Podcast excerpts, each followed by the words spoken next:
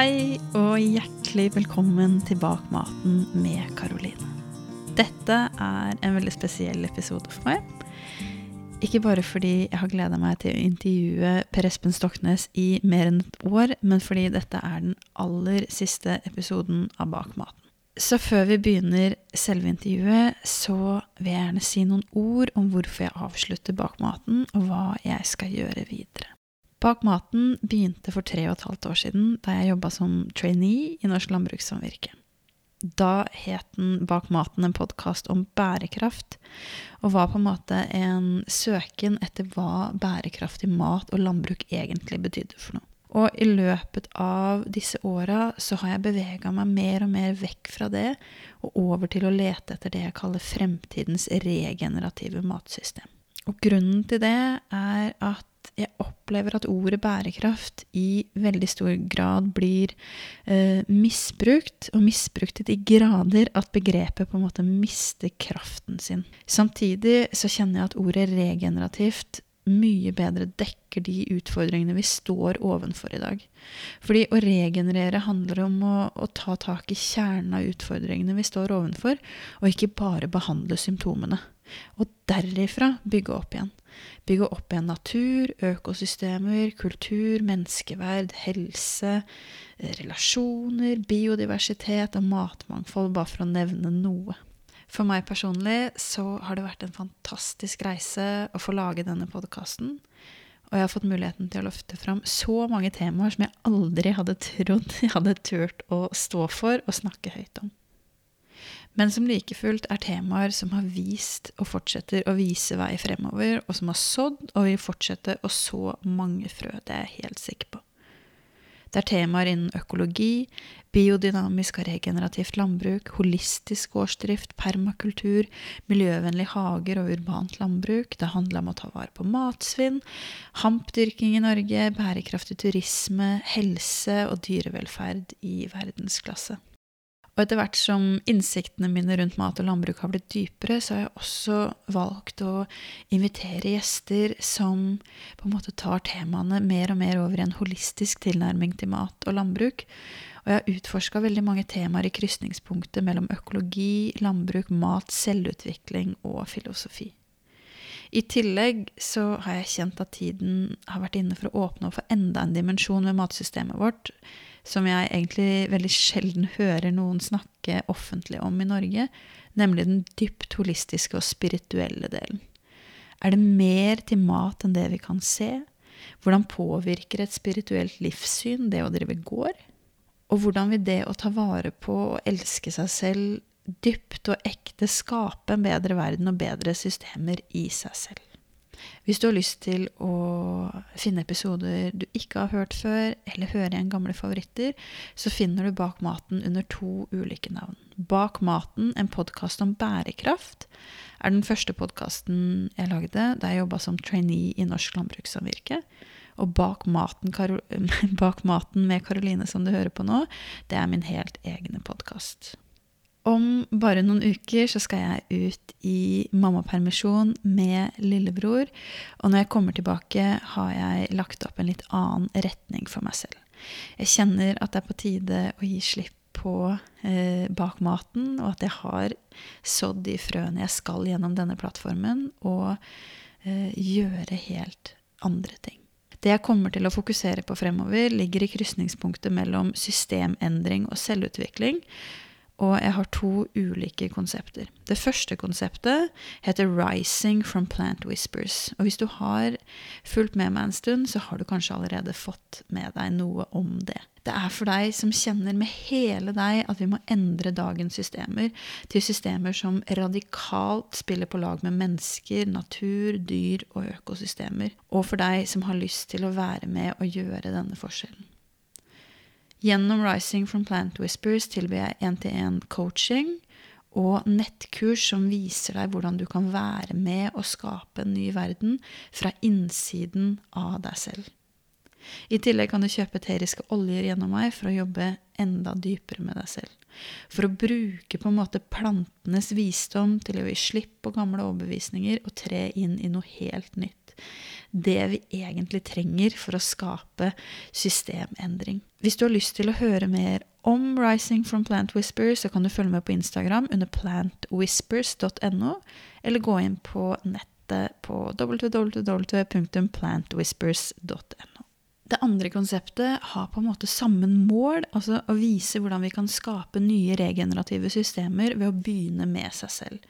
Men dette konseptet retter seg mot bedrifter som vil lære seg eh, hvordan de kan være med å bidra til regenerativ systemendring innad i sin egen bedrift og for sine ansatte.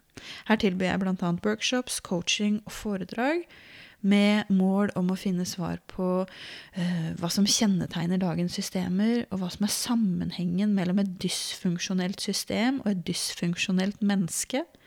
Hvorfor vi trenger systemendring i utgangspunktet, og hvordan regenerative systemer kan se ut. Og ikke minst hvordan det å ta ansvar for seg selv som mennesker vil skape regenerative systemer. Dette konseptet har foreløpig ingen nettside, men hvis du er interessert i å høre mer, vil samarbeide med meg, eller ønsker å booke meg for et foredrag eller workshop hos din bedrift, så uh, gå inn på bakmaten.no, så skal jeg holde den siden oppdatert med uh, informasjon og kontaktinformasjonen min. Ok, så til dagens episode og Per Espen Stoknes. En mann jeg virkelig har gleda meg til å ha på podkasten i lang tid. Per Espen har en veldig variert bakgrunn og er bl.a. psykolog, professor i økonomisk sosiologi og tidligere politiker. Han er gründer av en rekke selskaper, forfatter av flere bøker og akkurat nå aktuell med boka Earth for All. I dag jobber han på Senter for bærekraft og energi på BI. Og I denne episoden har jeg og Per Espen en samtale om hva som må til for å endre verden til et sted der vi tar vare på natur og mennesker, og hvordan denne systemendringen kan se ut. Av ytre faktorer, men kanskje aller mest hvilke dyptgående psykologiske faktorer som gjør at vi mennesker handler som vi gjør, og hvordan vi kan endre på det. Det er en nydelig prat om sammenhengen mellom hvordan vi mennesker har det med oss selv, om hvordan vi behandler naturen, om indre bærekraft og økofilosofi. Her kommer altså den aller siste episoden av Bak maten med Karoline, så nyt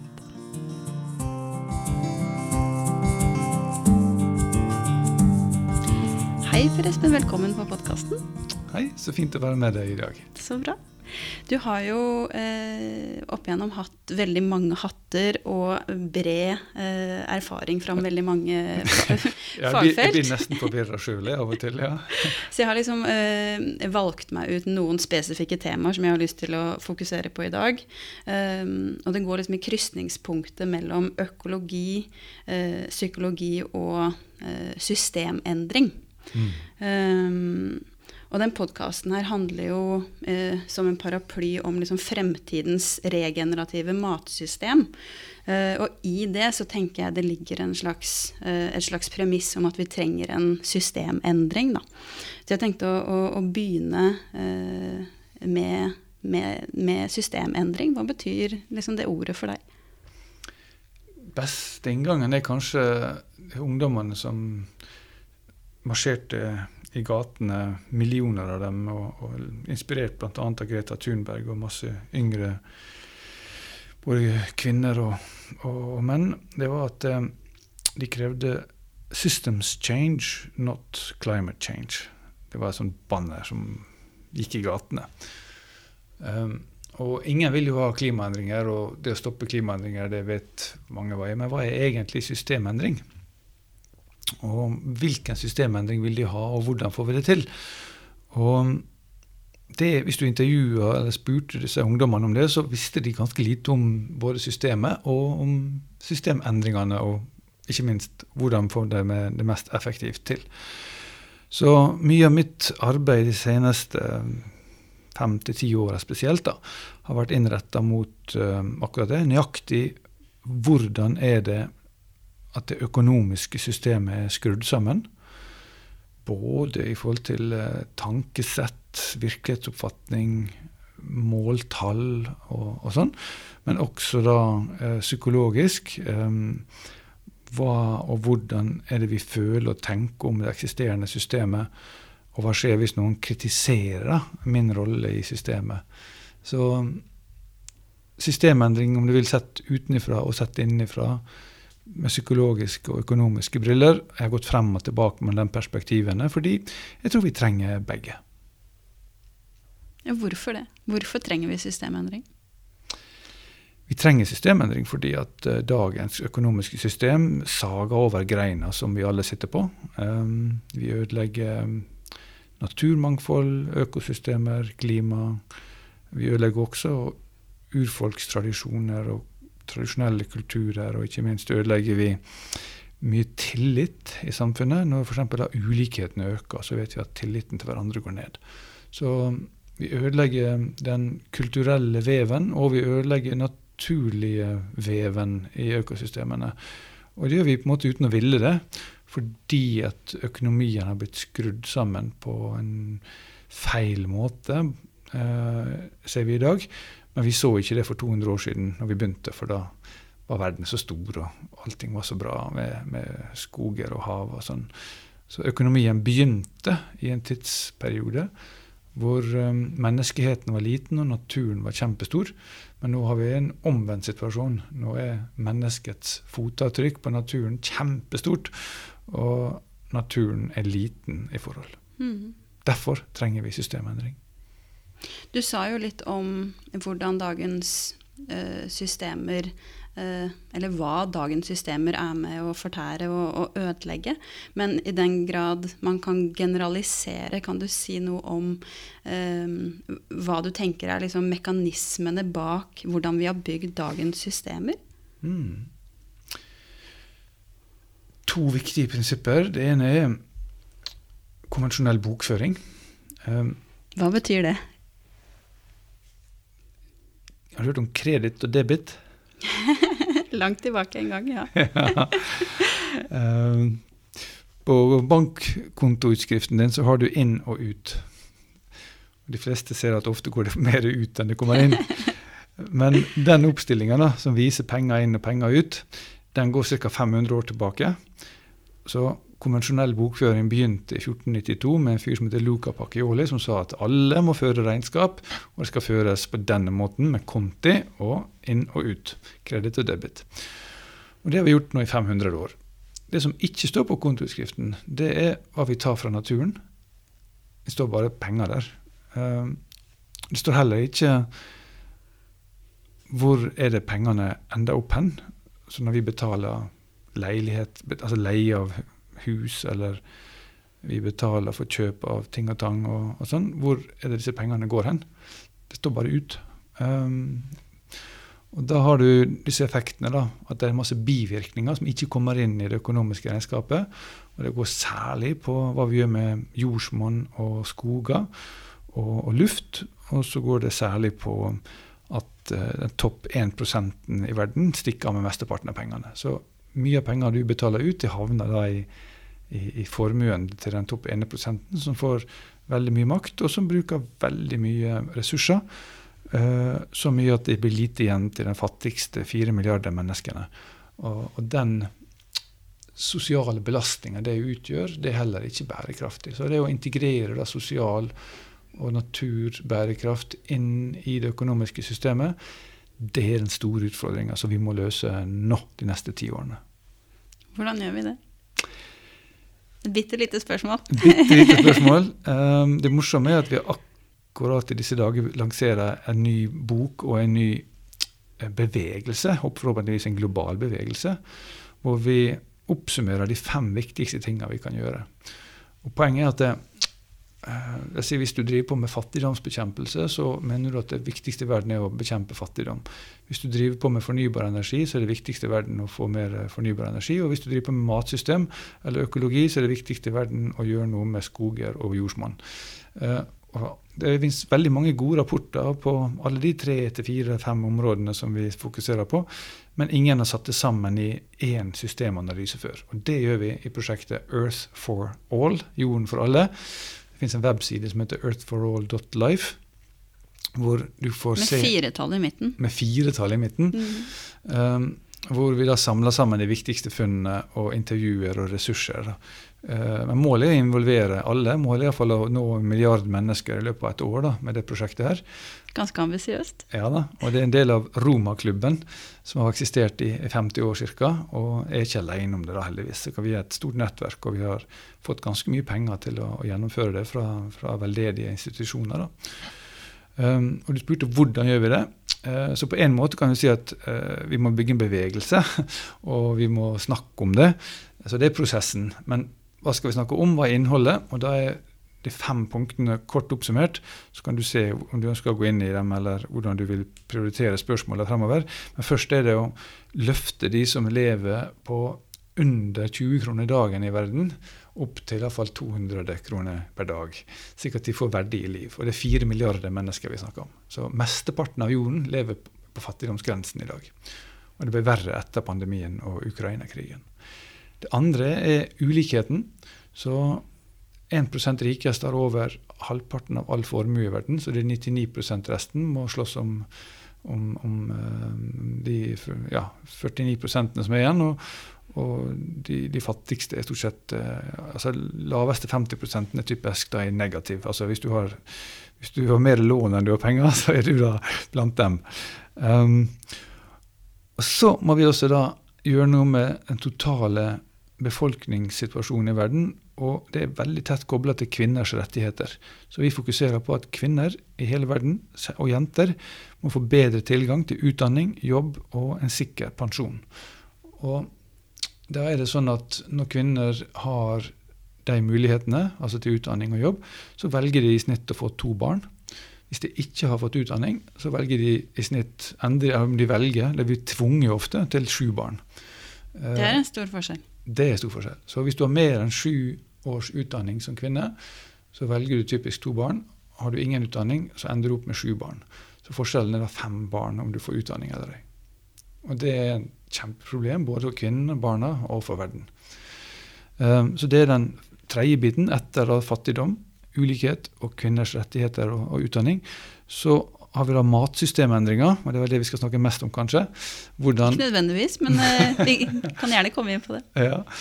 Um, hvordan erstatter vi et system som sløser med jord og skog og vann, til et system som regenererer jordsmonn og skog, og gir folk den maten som er sunn, og som de trenger, istedenfor å gjøre de syke. Og gjøre økosystemene syke. Så en rask transformasjon av matsystemet er den fjerde biten vi må gjøre. Og den femte biten er at vi må fase inn sol, vind og batterier så fort at olje og gass og kull blir værende i bakken. Og mengden kull, olje og gass som brukes hvert år, må, altså hvert tiende år må det halveres fram til 2050, slik at vi er på netto null innen 2050. Så nå har jeg sagt fem ting, og de henger sammen. Vi kan bare løfte fire milliarder mennesker ut av fattigdom og gi dem verdige liv med mobilitet og komfort, komfortable hjem og sikker mat, hvis du også endrer energisystemet og matsystemet. Og du kan bare gi da så mye mat og så mye energi til alle hvis du ikke blir uendelig mange mennesker. Så det henger sammen med kvinners utdanning. Og hvis du gir kvinner utdanning, så reduserer det også ulikhetene. For da får det flere av utdanning og jobb, så blir det da færre fattige kvinner. Og mesteparten av de fattige i verden er faktisk kvinner. Så alle de fem tingene henger sammen i ett system. Det er vanskelig for hjernen vår å ta inn, fordi det er så komplekst. Vi, kan, vi, vi, sliter med å tenke på så mange faktorer på en gang. Det er derfor denne sektorvise inndelinga har vært så dominerende. Men vi ønsker da å gi en modell, en bok og en, en, en guide til hvordan vi får til rask nok systemendring. Mm. Alle de tingene du eh, tar opp her, handler jo om å gjøre en endring Eh, der ute. Mm. Men etter eh, mer enn ti år hvor jeg har på en måte jobba i uh, matsystemet, da, mm. så kommer jeg liksom hele tiden tilbake igjen til det her med at det er enda et perspektiv vi burde ha med som handler om uh, hvordan vi mennesker har det med oss selv. Da, og at liksom, systemene i verden mm. begynner i oss mennesker. Og at vi veldig veldig sjelden snakker om det. Det er en veldig eh, enorm ubalanse egentlig i energien vi legger i arbeid på utsiden av oss og på, eh, på innsiden. Mm. Um, jeg vet jo Du har jobba som klinisk psykolog i eh, veldig mange år, og Ja. også liksom pekt på um, denne sammenhengen mellom hvordan mennesker i systemet blir eh, drevet rovdrift på eller eh, overutnytta, og hvordan vi driver rovdrift på eh, naturen. Ja. Kan ikke du si litt om den sammenhengen her? For jeg syns den også er veldig interessant å ha med. Ja, veldig gjerne. Veldig glad for at du er opptatt av det. Du har helt rett at uh, veldig mye om bærekraft tenker folk ytre bærekraft, og så glemmer vi den indre bærekraften. da.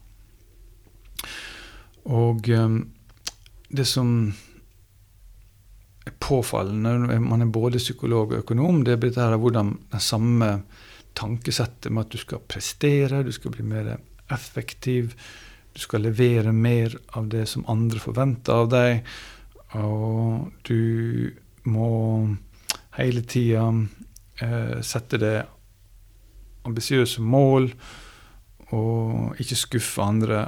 Samtidig så føler mange i seg inni at jeg orker ikke mer. eh, og heller ikke noe tro på at verden går riktig retning. Det kjennes ut som at alt går feil. Når jeg følger med på nyhetene, så får jeg en sånn guggen følelse om at dette her nytter ikke, og uansett hva jeg gjør, så betyr det ingenting i den store sammenhengen. Så På den ene side så må vi være flinke og prestere mer, på den andre side så vi, får vi- høre at dette hjelper ikke uansett. Så you're set up to fail. Eh, men som psykolog og som filosof er jeg opptatt av hvem er dette jeget som skal levere og være flink og prestere. Og, og hvordan forstår jeg meg sjøl? Er jeg i konkurranse med andre? Er, sånn at jeg må være uavhengig og selvgående og bare klare meg med mine egne ressurser? Eller er en del av en større sammenheng, f.eks. At det er den jeg er i kraft av mine relasjoner til familie og kolleger og, og viktige venner og, og, og sånn.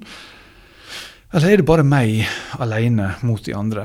Og en sånn, om du vil da, innsnevring til bare jeg eller egoet, som da skal mestre alle utfordringer i kamp mot andre, i konkurranse med andre, da har du en tankesett som gjør at du blir fanga i en utmattende posisjon hvor det er bare dine eget ansvar, dine egne krefter, som må levere alt. Du må på en måte drive rovdrift på dine indre følelser og, og, og muskler og energi, psykisk energi, for å vinne og levere på det som du, du tror at systemet krever deg for at du skal ha en egenverdi. For å passe inn i systemet. For å passe inn i systemet og lykkes i systemet. Og lykkes bedre enn de andre. For det er ikke nok å lykkes, du må lykkes bedre enn de andre. Og Da får du også en situasjon hvor ja, det er ikke nok å lykkes, andre må mislykkes. og det er liksom det skumle med den her indre konkurranse og leveranse- og mestringssyndromet. da.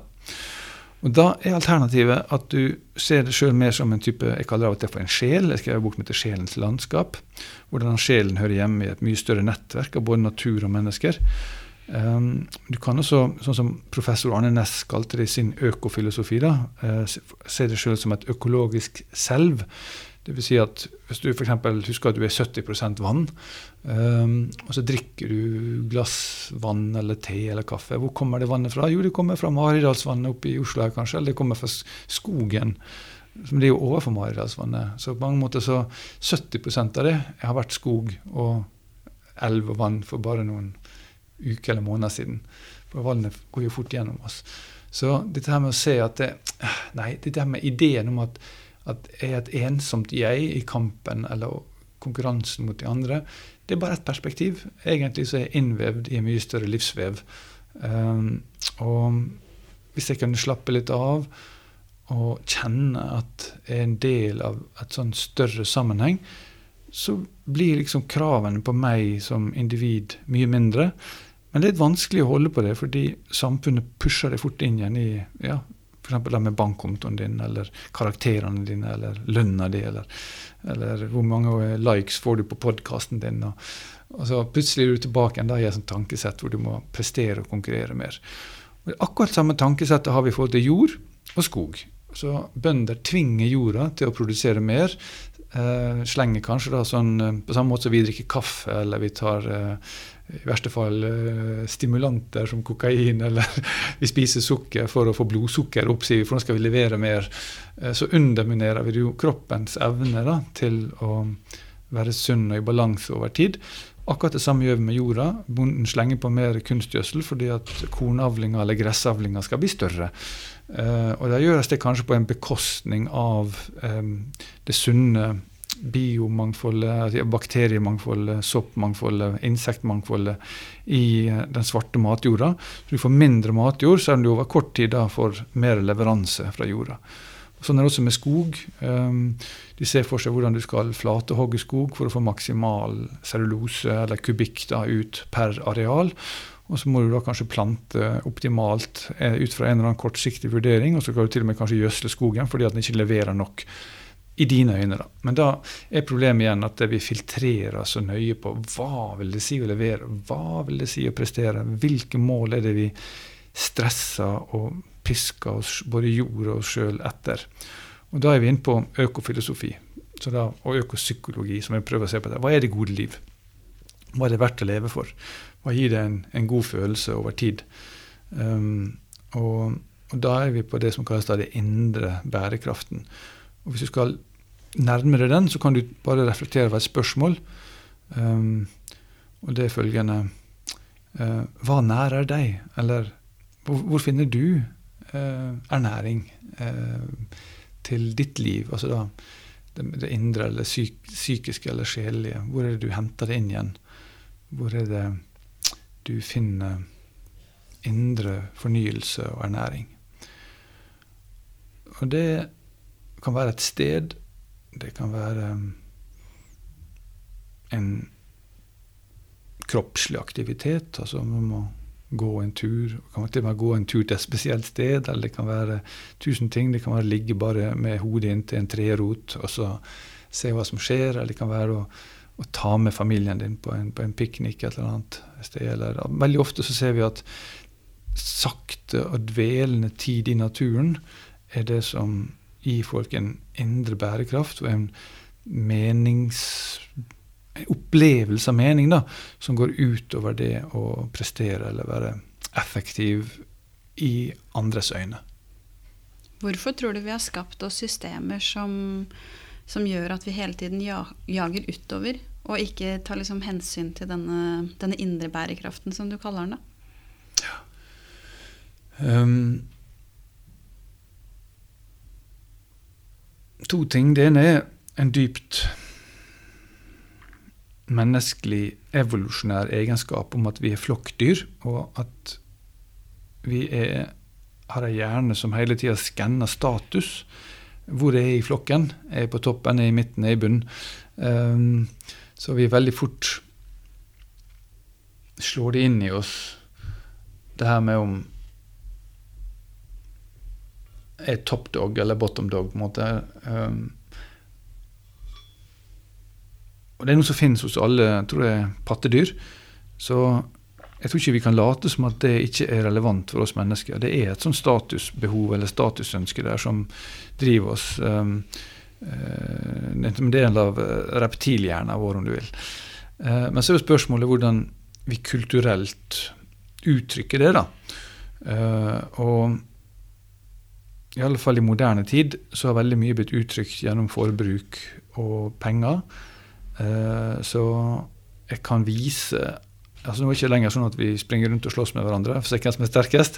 Vi, ikke, ikke, fysisk, i hvert fall. Fysisk, men uh, har jeg finere og dyrere bil enn deg, har jeg større hus enn deg, og har jeg kulere klær enn deg, og osv. Uh, det har det økonomiske systemet har på en måte kobla seg på den delen av reptilhjernen da, og forteller at uh, ved å øke forbruket, så oppnår du den der statustilfredsstillelsen.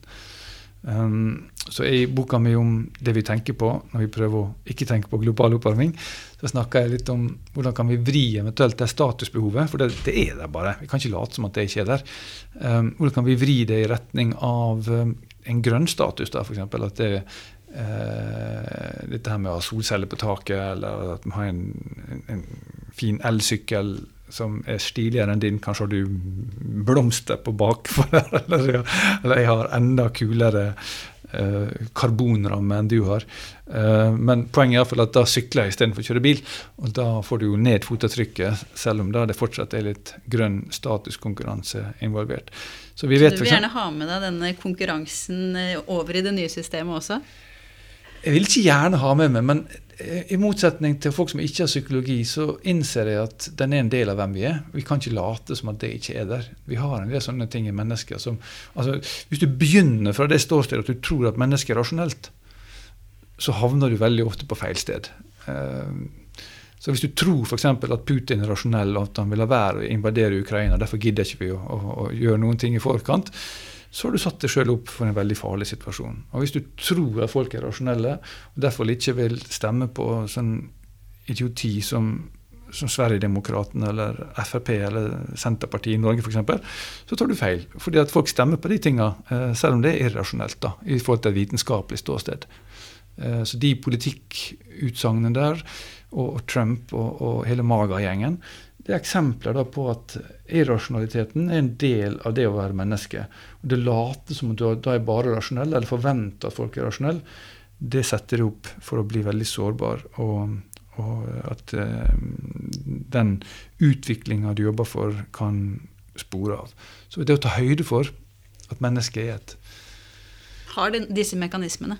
Ja, har disse mekanismene. Det er viktig i all økonomisk og, og sosial og psykologisk tenking. Vi er ufullkomne, vi er halvveis, vi har skyggesider, vi, vi er destruktive. Men vi kan også være konstruktive, og vi kan være fantastisk kreative. Og vi kan av og til overraske oss sjøl med hvor altruistiske eller eh, gavmilde vi kan være. da. Mm. Mennesket er alle disse tinga. Det er kaleidoskopisk, uforutsigbart, fantastisk art. Så jeg er vilt begeistra for mennesker, men ikke fordi at vi bare er gode. Halvparten av oss er alltid i skyggen. Minst. Mm -hmm. Da du jobba som, eh, som, psykolog, så vet jeg at du har sagt at du ble stilt ovenfor eh, dilemmaet mellom å hjelpe menneskene du eh, satt ovenfor, med enten én å overleve innad i eh, det systemet som på en måte gjorde at de gikk på veggen i utgangspunktet, mm. eller å hjelpe de å bryte ut.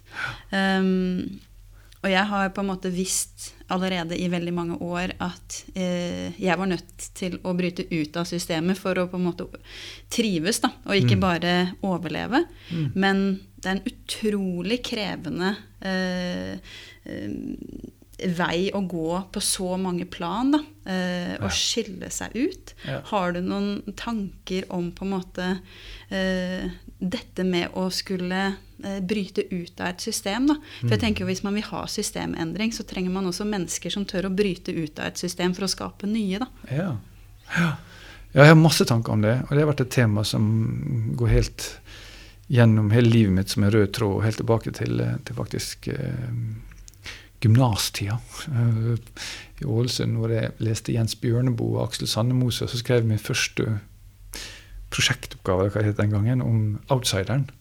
Den som er utenfor systemet. Og du finner den i litteratur, du finner den i ja, teater, og du finner den i film og sånn. Og det er et um, gjennomgående tema. Tør vi bryte ut av systemet? I så fall um, Hvordan forholder du deg til systemet som en outsider? Um, fordi jeg er sjøl kanskje en outsider. Jeg, jeg har liksom aldri trivdes i systemet. Men så er jeg her på BI nå, og jeg har fungert inn i politikken og jobba med økonomi og startups. Så jeg har valgt liksom å gå inn igjen i systemet da, for å se om jeg kan endre systemet innenfra. For hva er mest effektivt? Er det å stå utafor og skrike mot systemet, eller er det å være inne i systemet og gjøre noe med innenfra?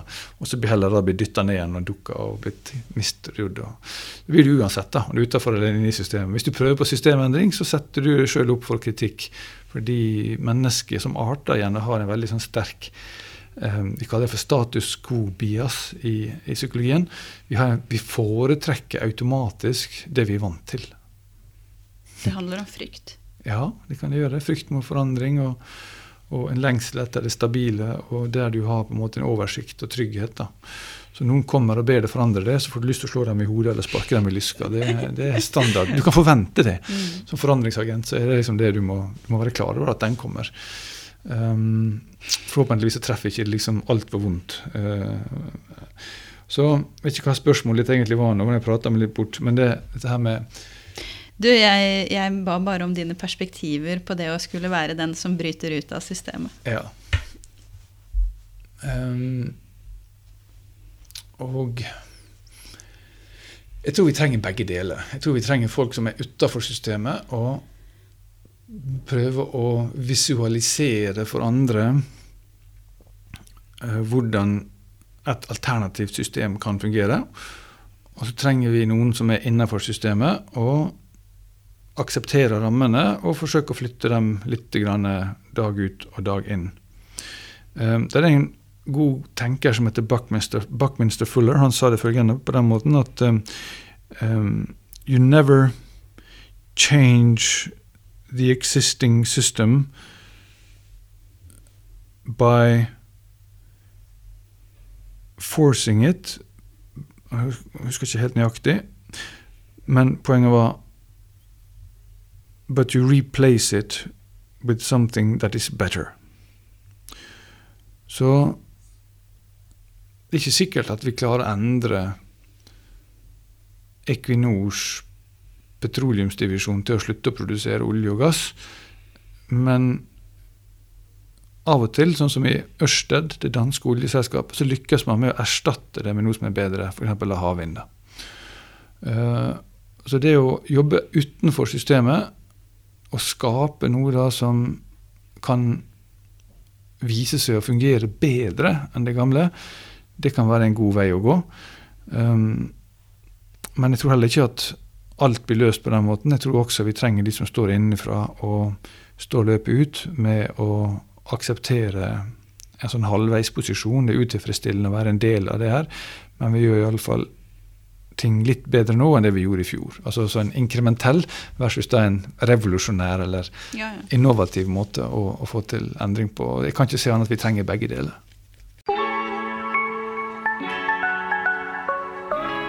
Du har sagt en gang at mennesker er grunnet i selvdestruksjon. Hva mener du egentlig med det?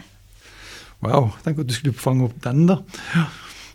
Um, jeg bygger det på en, det som kalles dybdepsykologi, som er en tradisjon tilbake til Sigmund Freud og, og Carl Gustav Jung og flere.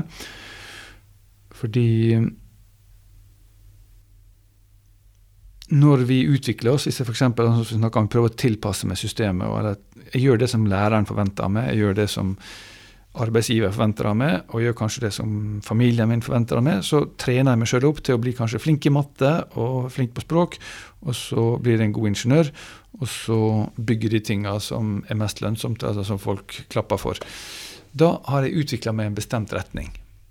Og på en måte så har det da, Hvis du var opprinnelig var ei stor bløtkake, en helhet, en stor sirkel, en stor pizza, så har jeg da skåret bort stadig mer for å bare fokusere på den tynne stykket, pizzastykket eller kakestykket, som er det som får høyest premie i systemet. Og Da kaller Jung dette for en slags ensidig utvikling. Så jeget mitt, min bevissthet, min evne, min dag, min agenda, min, alt jeg har av ressurser og, og, energi, det går inn på å finpusse bare den delen av kaka, eller den delen av, av, av meg, som blir premiert hva skjer med de andre? Blir det borte? Nei. Det faller ned i skyggen. Det blir en del av det ubevisste. Det, blir, det romsterer rundt der. Så den her litt sånn aggresjon eller sinne som jeg følte ved å alltid bli forbigått av storebroren min, eller den misunnelsen Bitterhet. Hæ? Bitterhet. Bitterhet over å ha blitt forrådt. Eller tap av noen jeg har vært glad i. Eh, sorgen min. Eh, også kanskje oppgittheten, depresjonen som jeg er redd for. Hvis jeg går inn i den, så blir jeg bare liggende på sofaen eller går jeg ned i kjelleren og kommer aldri ut igjen. Liksom. Eller jeg har lyst til å gjøre det slutt på livet, for at egentlig er ikke det Altså, var en av de jævla lille kakestykket, liksom. Så du, du mister mening, du mister kontakt med deg sjøl fordi at du har reindyrka en ensidig mestring av det du er god på. Du har pussa på fasaden og speilbildet ditt i 20 år og lykkes på det.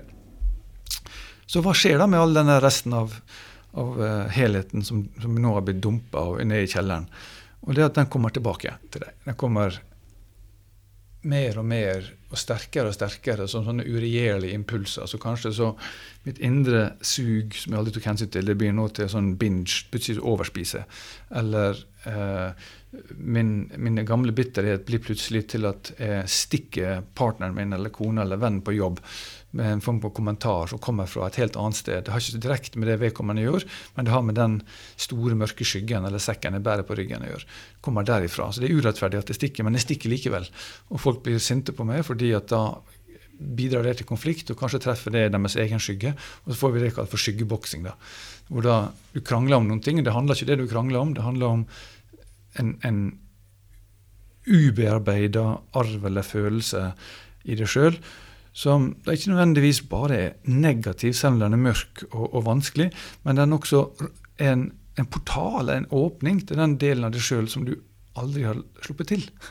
Så Hvis du virkelig gikk inn i bitterheten eller sug eller depresjon og, og, holdt ut å være nær den, da, så vil du kanskje begynne å oppdage at det er liksom gull innerst i, den, i det mørke, eller langt, langt der så finner du noen diamanter som du har forlatt for lenge siden. Og potensialer. Og potensialer mm. for et annet type liv. Så grunnen til at ikke vi ikke tør å gå inn i skyggen, er at det, det oppleves truende og mørkt der med en gang.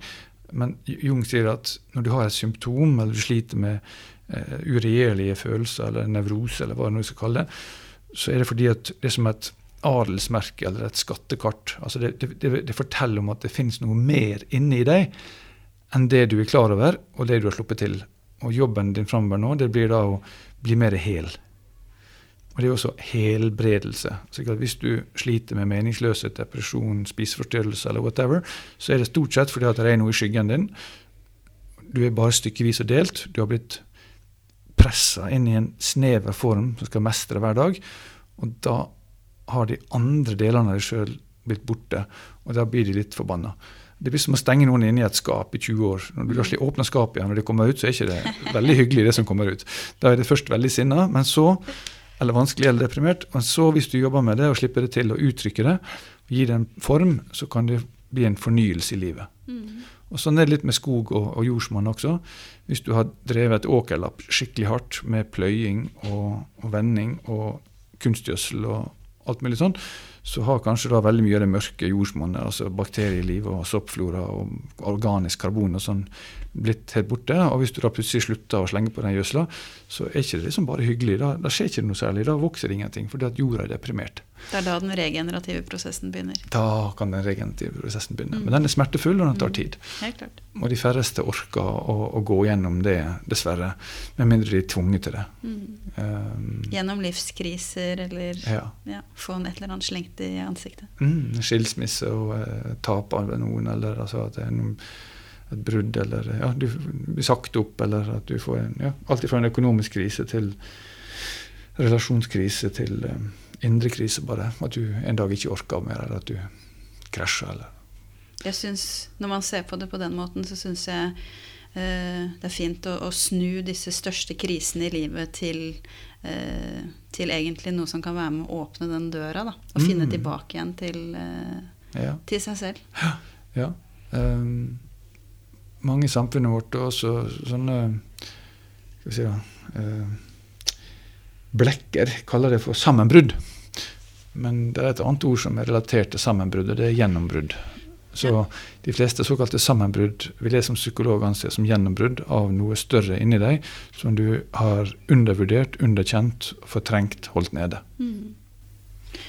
Hvis vi skal ta det litt opp igjen på, på systemnivå, mm. hva tror du konsekvensen er av at det er, vi lever i et samfunn hvor det er så mange mennesker som ikke lever ut sitt potensial, og mm. holder på en måte sider av seg selv så eh, mye nede som det vi gjør? da? Mm. Jeg tror konsekvensen er lavere grad av tillit til hverandre. og tillit på systemnivå er veldig viktig. fordi at hvis du skal få til noen ting, en systemendring en organisasjon eller politikk, så er det med samarbeid helt avgjørende. Og de aller fleste organisasjoner, og det er for derfor jeg er her nå på Institutt for ledelse og organisasjon, aller fleste organisasjoner kunne vært ti ganger bedre hvis medarbeiderne hadde hatt mer tillit til hverandre og gitt hverandre større rom og unngått å holde hverandre nede. Eh, og tatt i bruk den enorme tause kunnskapen som finnes. Folk har ofte veldig mye kunnskap som da blir stengt ute i et teammøte eller i en budsjettprosess eller i en strategisamling fordi at det liksom ikke passer med normene i systemet. Så hvis vi kunne Hvis da, skal vi si det sånn Ikea faktisk tok i bruk all den kunnskapen de hadde, eller hvis uh, Orkla slapp til all kreativiteten som fantes, og unngikk sånne internkonflikter, uh, hvis Nordea hadde fått full um, bruk av den kreative kapasiteten hos bankfolk som nå er sperra inne i rutiner og prosedyrer og og KPI-er fra et utdatert system, så kunne organisasjonene vært regenerative. Da kunne de ha vært mye større verdiskapere, og de kunne hatt et større intern arbeidsliv og glede. Så veldig mye går tapt i unødvendige konflikter mellom ledelse og eh, de som blir leda. Veldig mye går, tapt fordi kollegaer misforstår hverandre og går i konflikt. Og så ender du opp med at du mister gleden ved å jobbe fordi at du bare gruer deg til å møte den personen på jobb neste dag. Så alle de tingene der er en bivirkning om du vil, av manglende indre bærekraft. Mm. Du sa jo eh, tillit til hverandre, at det var helt essensielt. Men jeg tenker jo også dette med å ha selvtillit, eller tillit mm. til seg selv. Som ja. man på en måte For det er jo det det handler om i essens. Det, det å være uh, trygg på seg selv, glad i seg selv, akseptere seg selv, så man på en måte tør mm. å la mm. disse sidene uh, komme til syne. Da. Mm. En tradisjon innen psykologien sier at ditt selvbilde det er en oppfatning av hvordan andre ser på deg. Og den ideen om at selvtilliten er noe du kan bare lagre inni deg, uavhengig av andre, det er igjen en sånn ego- eller individ- og mestringstenking. Så du er ansvarlig for din egen selvtillit. Men det er ikke tilfellet. Det som er tilfellet, er at eh, hvis andre har tillit til deg, så får du tillit til deg også. Så det er, det er en interaksjon her mellom selvtillit og tillit til andre. Og hvis jeg har dårlig selvtillit, så vil jeg heller ikke til, ha tillit til andre. Og hvis de andre ikke har tillit til meg, ja, da vil det svekke min egen selvtillit. Så dette her med at vi gjør hverandre gode, da, at jeg har tillit til deg og du har tillit til meg, det er beste måten å bygge opp vår begges gjensidige selvtillit på. Og den er altså sosial. Den er ikke kan ikke defineres av deg sjøl som et selvtilstrekkelig individ i et vakuum. Jeg opplever at uh, veldig mange av de tingene vi snakker om nå, kommer liksom helt til kjernen av um, kanskje det vi burde snakke mer om når vi, når vi prøver å løse klimakriser, økologikriser, naturkriser. Mm. Um, men at vi ikke vil forholde oss til det, og at vi fortsetter å behandle symptomer. Eh, hvorfor, hvorfor, tror du det er sånn? At vi, er, at, vi, at vi, bare jobber med symptomene, på en måte? Når det er så mye større bilde, da. Mm. Um, jeg tar en litt annen inngang. og det at Ja, symptomene er der. Og så er noe av problemet ikke at vi bare jobber med symptomer, men at vi jobber med at vi skal fikse symptomer.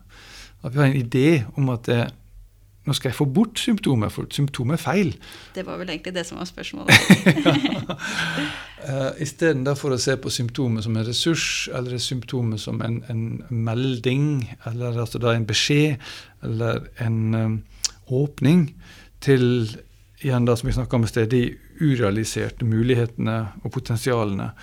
Så um, en annen av mine favorittpsykologer han han sier at han peker også på, helt tilbake til Sigmund Freud, at um, vi må følge symptomet. Symptomet er en guide.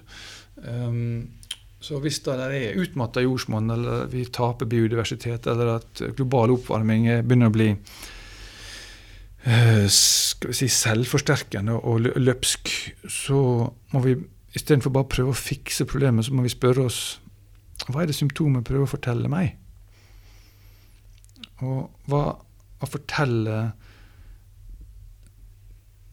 denne matsystemet, eller matsvinnet, eller å fortelle tapet av arter om oss som, som mennesker? og fortelle klimaendringene meg? Eh, kan jeg lytte inn til det og fortelle det oss? Kan vi se på symptomet som en kommunikasjon? Eller en annen måte å vri det på er at det er mer som et emblem. altså en, en, Et emblem er på en måte uttrykket eh, som en som brand, eller annet, hvem du er. Jeg ser på det som et emblem enn som et problem. For hvis du ser på et problem, så skal du bare finne en løsning for å bli kvitt det. Mens hvis det er et emblem, så sier det noe om hvem vi er. Det uttrykker noe i møtet. Og um, det er det siste som jeg er opptatt av, at vi prøver å lytte inn til symptomer som en samtale. Um, at det har sin egen intelligens, som kanskje er litt større enn min. Uh, og da er det lurt av meg å lytte før jeg prøver å bare fikse det. Så fikse mindsettet kan være en hinder mot uh, in, uh, ekte bærekraft. Og igjen da, så er det litt sånn til ditt spørsmål Når du bare skal fikse noen ting, så forholder du deg til det kun på det ytre. Du tar ikke det inn i din egen selvutvikling eller selvrefleksjonsprosess. da. Vi, vi, er nødt til å, å, begynne å gå inn for landing, eh, Prespen. Men jeg har lyst til å, å, avslutte med å på en måte eh, prøve å summere opp eh, litt. Eller at du kan få lov til å summere opp litt. Eh, så hva tror du må skifte i oss mennesker for at vi skal begynne å forvalte jord, natur, eh, dyr og ikke minst oss selv eh, på en ikke bare bærekraftig måte, vil jeg si, men en regenerativ eh, måte for å skape regenerative systemer? Mm. En måte å forstå det på er at vi har alle, i mennesker så finnes det tre verdisett. Det ene verdisettet det er som går på selvinteresse, altså det som jeg opplever som bra for meg. Det andre verdisettet det går på ting som du er inne på med regenerativt og natur. Uh, og det tredje går på det som er bra for andre mennesker. Vi kan kalle disse her for selvinteresseverdier, uh, altruistiske verdier og biosfæriske verdier. Alle mennesker har alle tre verdisettene, men det varierer veldig i hvilke situasjoner og i hvilken grad folk har integrert disse verdiene som aktive veivisere i livet.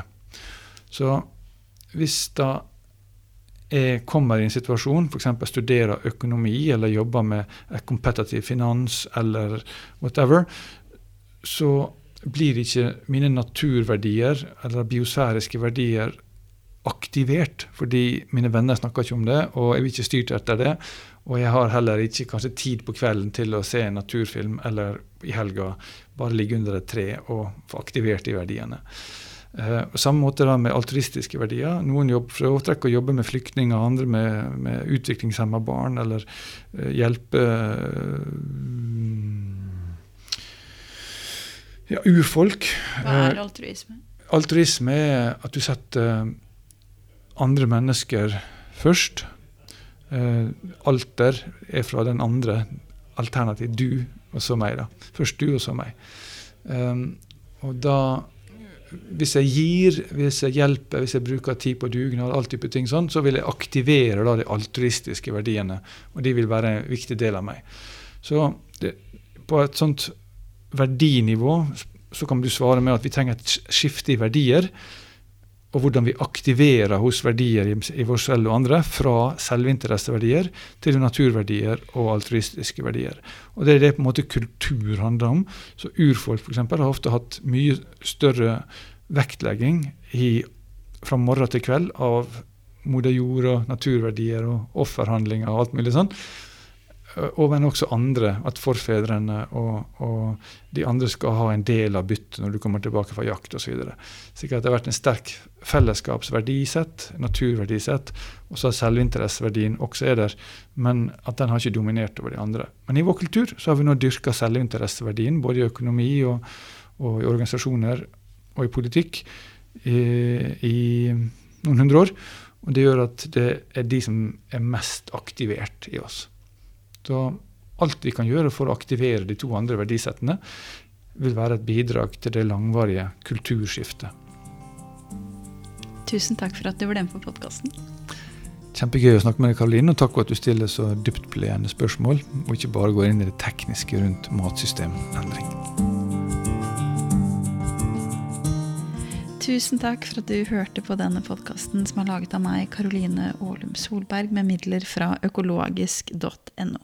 Musikken er laget av Creo og Liro Sever. Siden dette var den aller siste episoden av Bak maten, så vil jeg gjerne gi en ekstra takk til noen av de som har vært med å gjøre denne podkasten eh, mulig. Først tusen takk til Morten Nymoen og økologisk.no som har sponsa denne episoden, og mange av de foregående episodene det siste halvannet året. Spesielt tusen takk for friheten til å forme og skape uavhengig eh, innhold på denne plattformen gjennom samarbeidet. Takk også til Norgesvel for et større samarbeid gjennom 2021, og til Rande Gjertsen og Bondens Marked, som gjorde det mulig for meg å starte opp igjen med Bak maten med Karoline selvstendig i 2020. Og så må jeg også si takk til Norsk Landbrukssamvirke, og spesielt Ola Hedstein, som høsten 2018 trodde på meg og gjorde Bak maten mulig i utgangspunktet. Og helt til slutt, tusen, tusen takk til deg som har hørt på denne episoden, enten det er din første eller du har fulgt med helt siden starten. Det har virkelig vært en fornøyelse å ha deg med på veien. Hvis du har lyst til å komme i kontakt med meg, så send meg en mail på karoline.bakmaten.no, eller følg med på bakmaten.no for oppdateringer på arbeidet mitt videre. Tusen takk igjen, og vi snakkes en eller annen gang et eller annet sted.